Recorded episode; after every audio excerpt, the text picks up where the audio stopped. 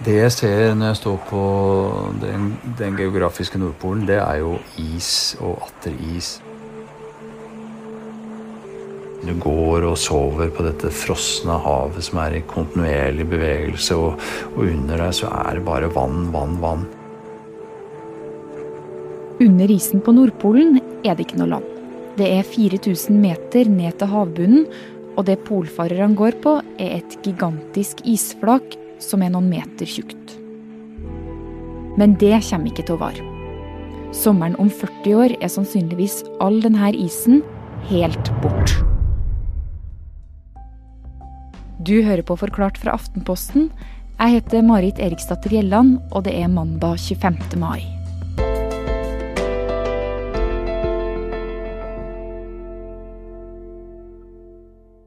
Nordpolen er det mest fascinerende stedet som jeg vet om. Det er noe sånn urkraftig over den. Børge Ausland er polfarer. En sånn du har sett på bildene med pulken bak seg og barten full av is. Og det bare å vite at det er flere tusen meter under deg når du ligger og sover, og bevege seg over disse områdene over så lang tid, det er, det er utrolig fascinerende. Og det er vel det nærmeste du kan komme en annen planet her på jorda. Første gang han nådde Nordpolen, var med Erling Kagge den 5. mai i 1990. Jeg var uh, 27 år gammel, og, så det er en av de største opplevelsene jeg har hatt. Uh, det er sånn merkelig um, utenfor ja, Nesten sånn verdensromfølelse å gå der oppe. Var litt sånn historisk sus over det. Du tenker jo på Nansen og alle de andre som har vært der oppe for ikke så egentlig så altfor lenge siden, som du har lest og hørt så mye om, og så plutselig så var vi der selv. Så det var en stor opplevelse. I de 30 årene som har gått siden da, har han vært på Nordpolen rundt 20 ganger. Han har til og med gifta seg der. Og siden han var der første gang, har han sett store endringer. På 2000-tallet så da skjedde det en sånn merkbar endring hvor jeg så at her, her er det, det er helt annerledes. Det er et annet landskap. Det er hovedsakelig to ting jeg ser det på. Det er jo uh, tykkelsen på isen. Så nå er den jo én til to meter tykk uh, på Nordpolen, mens den før var på uh, kanskje rundt tre meter, og av og til mer òg. Jeg ser det også sånn rent visuelt, fordi nå er jo isen relativt flat og omtrent sånn som det er på et sånn vanlig frosset vann, ferskvann f.eks., med snø på. Mens før så da hadde isen kanskje drevet der oppe i tre-fire år og overlevd flere somre. Skru, hadde smeltet ned, og det hadde blitt dannet smeltevannsdammer. Og så kommer det ny vinter og ny snø. Så det var et sånn bølgete landskap, omtrent som å gå på ski på Hardangervidda. Så visuelt var det også et helt, helt annet landskap før i tiden enn nå. Så de siste 30 årene har isen blitt tynnere og yngre. Og om 30 år til kan det se helt annerledes ut igjen. Hvis vi har holdt på å si både uflaks og forskerne får rett, så kan Nordpolen i 2050 være et stort, åpent, svart hav. Kanskje med noen små sørpeis liggende her og der. Men det går altså mot at det blir tomt for is der om sommeren. Journalisten du hører her, er Ole Mattismoen. Han jobber mye med klimaendringer, og nå nettopp så har han sett på ny forskning om hva som kommer til å skje med Nordpolen. Dette er ja, drøyt 20 universiteter og institutter over hele verden som har gått sammen om å ta i bruk de mest avanserte klimamodellene som finnes. Altså dette er avanserte datamodeller hvor de mater inn forskjellige utslippsscenarioer, som det heter. Altså hvor store utslippene er om 5 år, 10 år, 20 år, 30 år. Og så regner disse datamaskinene ut i disse klimamodellene, så regner de ut hva som da vil skje med temperatur og med vind og med uh, havstrømmer og alt mulig rart. Denne gangen har de fokusert på isdekket i Arktis, altså den flytende isen eh, som, som dekker enorme områder rundt Nordpolen. Og konklusjonen deres er at Gradvis vil det avta, det har det gjort i mange år allerede. Altså Selv om det er store variasjoner fra år til år, så er isdekket i Arktis nå 20-30-40% mindre enn det var for 30-40 år siden. Og det skyldes at det er blitt varmere. Det er blitt mye varmere i Arktis enn den globale oppvarmingen har vært. Sånn at dette ser vi allerede, og det vil øke i tiårene som kommer. Og før 2050 så vil det være isfritt om sommeren. Hvordan er det mulig at Store Nordpolen blir isfri om sommeren så kjapt, altså bare innen 2050?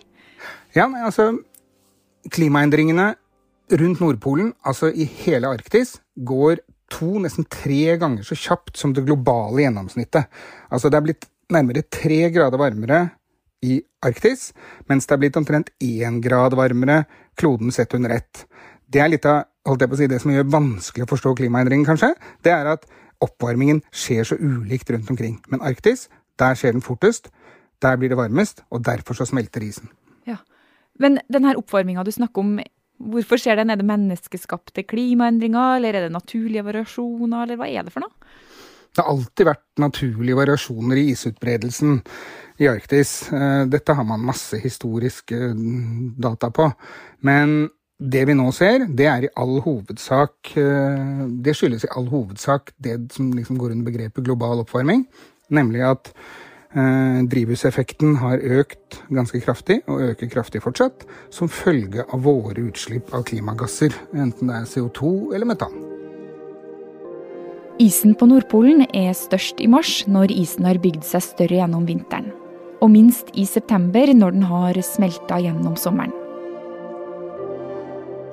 I fjor høst så var isen på størrelse med EU, men ifølge de nye klimamodellene kan Nordpolen altså bli helt fri for is i løpet av en sommer. Hva skjer når Nordpolen bare blir åpent hav? Vi er straks tilbake.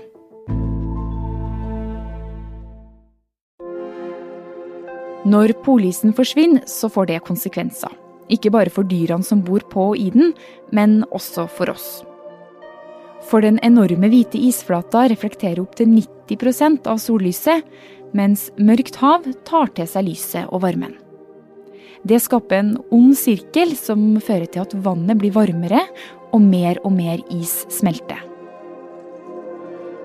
Det forskerne er helt sikre på, er at mørkt hav fører til at oppvarmingen forsterkes. Men, men hva slags effekt det igjen har for f.eks. værsystemene, for stormbaner og for havstrømmer og sånn, det vet de fortsatt lite om, annet enn at de vet at det vil ha en effekt. Dette er jo et, et område som det er forsket mye på, men det er fryktelig vanskelig å finne svarene. Eh, det er det samme som de sliter veldig med å finne ut hva som skjer med disse jetstrømmene som fyker rundt, eh, fyker rundt Nordkalotten, når eh, forskjellen på varmt og kaldt vær mellom tropene og Arktis blir mindre og mindre. Men de holder på med det, men det de vet, er at det kommer til å få en stor betydning. Vil det ha andre konsekvenser for dyreliv og sånne ting, f.eks.? Ja, Det er nok kanskje noe av det som først kommer til å bli rammet. For det er ganske mange arter som er Eller hele økosystemet i Arktis, i Barentshavet, i Polhavet, er helt avhengig av is.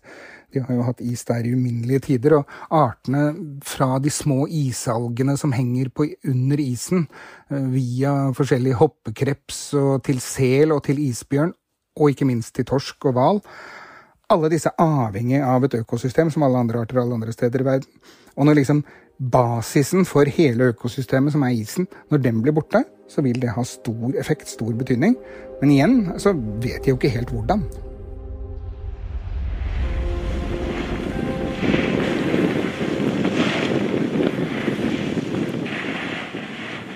Sånn som det her høres det ut når forskningsskipet Kronprins Haakon bryter seg gjennom isen. Man ser den svarte baugen nesten duv over overflata, og så sprekker isen opp i småflak som sklir bakover langs skipet. Akkurat dette er en testtur fra 2018 på Svalbard, før forskningsskipet skal videre mot Nordpolen. Forskerne om bord skal undersøke og overvåke både klimaendringer, dyreliv og olje- og gassproduksjon i det nordligste området på planeten. Nede på havbunnen så vet man jo temmelig sikkert at det er ganske mye olje og gass. Man vet at det er mineraler. Eh, I dag er dette nesten umulig å utvinne fordi at eh, området er så utilgjengelig som det er nesten hele året, og i hvert fall store deler av året. Men eh, når Polhavet blir isfritt hele sommeren, så vil det være mye lettere tilgjengelig å lete etter mineraler og olje, og å utvinne det. Hvem er det som kan ha interesse av de her ressursene? Det er jo alle som har lyst til å tjene penger. For det er klart at mange av disse mineralene som finnes der, spesielt eh, selv i en verden hvor holdt jeg på å si, olje eller gass skulle være utdatert om noen tiår, det vet man jo ikke, så vil det alltid være behov for disse mineralene. Det er et stort underskudd av viktige mineraler som brukes i alt fra teknologi til eh, altså moderne mobiltelefoner til elbiler til uh, vindturbiner, det ene med det andre. Uh, behovet for mineraler i verden er enormt, og høyst sannsynlig så er det store reservoarer av mineraler under Polhavet. Og det er jo ganske mange som sikkert er interessert i å tjene eh, penger. Kan vi se konflikter i dette området fremover? Ja, definitivt. Eh, allerede så ser vi starten på det. At, at stormaktene posisjonerer seg. En ting er Canada Norge og Russland som har liksom rettmessig, rettmessig kontinentalsokkel, om ikke helt til Nordpolen, så i hvert fall ganske langt. Men uh, allerede så ser vi at kinesere, russere som sagt, amerikanere forsøker å hevde sin rett. Det er vel definitivt det som også er årsak, hovedårsaken til at Donald Trump i fjor foreslo å kjøpe Grønland. Kina, men hvorfor skulle de være interessert i, i Nordpolen, da? Nei, De er jo på jakt etter ressursene på havets bunn som alle andre, og vil jo bestride at noen av landene i nord har noe rett større rett enn dem til å utvinne det. Men kanskje den aller viktigste grunnen er at Kina ønsker å utvikle det de kaller den polare silkeveien, nemlig at eh, avstanden for å frakte mm, gods som kinesiske bedrifter har produsert, eh, er mye mye kortere hvis du kjører via Nordpolen enn om du kjører eh, sørover og gjennom Suezkanalen, som de gjør i dag. Men det her er ikke første gang forskerne regner seg fram til at isen på Nordpolen forsvinner. For 15 år siden så hevda denne mannen, Al Gore, at Nordpolen ville bli blått hav nå i 2020. Al Gore var visepresidenten til Bill Clinton i åtte år i Det hvite hus. Etter det så fikk han et voldsomt miljøengasjement og profilerte seg som en klimaformidler. Han fikk også lagde film skrev bok, og fikk Nobels fredspris sammen med FNs klimapanel. Men han tok feil for 15 år siden med tanke på at det skulle være isfritt i 2020? Ja, for det første så er ikke og var ikke Al Gore noen, eh, noen uh, klimaforsker. Det er viktig å huske. Han prøvde å formidle videre det klimaforskerne kom med, og det er ingen tvil om at Al Gore la på ganske mye. Men kanskje viktigst, klimamodellene har etter det blitt veldig, veldig mye bedre. Som jeg har sagt tidligere, de var mye mer omtrentlige før. Og det er veldig vanskelig å slå fast når eh, et så stort område som Polhavet skal bli isfritt. Eh, det vet vi først når det er det. Eh, men jeg har langt større tro på de forskerne som har kommet med sine konklusjoner nå, enn det jeg har til hva de gjorde for 15-20 år siden. Men det er jo fortsatt modeller. Hvordan kan vi stole på de her nye framskrivingene, da? Nei, det har jo vist seg at de modellene har vært mye mer presise. Altså presise i den forstand De har fått mye mer rett da, de siste årene om hva som har skjedd, og hva som skjer akkurat nå. Og derfor så har man større tiltro til at de, vil, at de er riktigere for det som skjer i fremtiden, enn de var før. Men helt sikre er det umulig å være før det har skjedd. Når noe drastisk skjer, som at Nordpolen ikke skal være hvit og issatt om somrene i framtida, så er det veldig lett å tenke at det her det er noe vi burde gjøre noe med. Ja, altså det er Som alt annet så er det at vi må redusere utslippene våre. Altså Vi må ned på et nivå som verden er på omtrent akkurat nå, veldig fort. Nå er vi der pga. en koronakrise. Eh, men dessverre så tyder alt på at de vil øke kraftig igjen så fort den krisen avtar. Men vi må ned med utslippene. Så enkelt er det. Men kommer det til å redde polisen? Ikke. Og det er kanskje det mest overraskende med den uh, forskningen som er gjort nå, er at polisen vil bli borte nesten uansett uh, i mange år. Altså, det kan være år med litt is, det kan være år med bitte litt is, men snittet vil være at ikke det er is i Polhavet rundt 2050. Det vil det også være selv om vi kutter utslippene våre dramatisk nå. Og Årsaken til det er at det allerede er så mye CO2 i atmosfæren, og at klimasystemet eh, opptrer veldig forsinket på en måte. Så det betyr at de, den oppvarmingen vi ser nå i dag, og de klimaendringene vi ser nå i dag, det er faktisk kanskje resultatet av utslippene våre på 90-tallet. Eh, så, vi, så, så, det vil fortsatt gå mange år før vi ser konsekvensen av de utslippene vi har hatt de siste 10-15 årene. Men hvis isen kommer til å smelte uansett, hva er vitsen med de klimatiltakene vi driver på med da? Nei, Der viser modellen igjen da, at hvis vi får ned utslippene Ja, det vil være isfritt i 2050, men så vil det begynne å eh, ise seg til igjen, holdt jeg på å si. Sånn at mot slutten av århundret så vil man igjen ha is i Polhavet, i deler av Polhavet i hvert fall, eh, om sommeren. Slik som det hele tiden vil være om vinteren. For så varmt er det ikke i nærheten av å være enda at vinterisen kommer til å bli borte.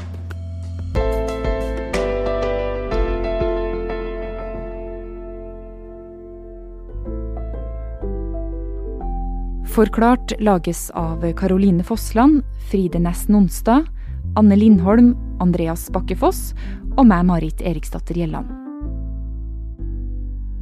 I denne episoden har du hørt lyd fra Norsk Polarinstitutt, Børge Ausland og filmen An Inconvenient Truth.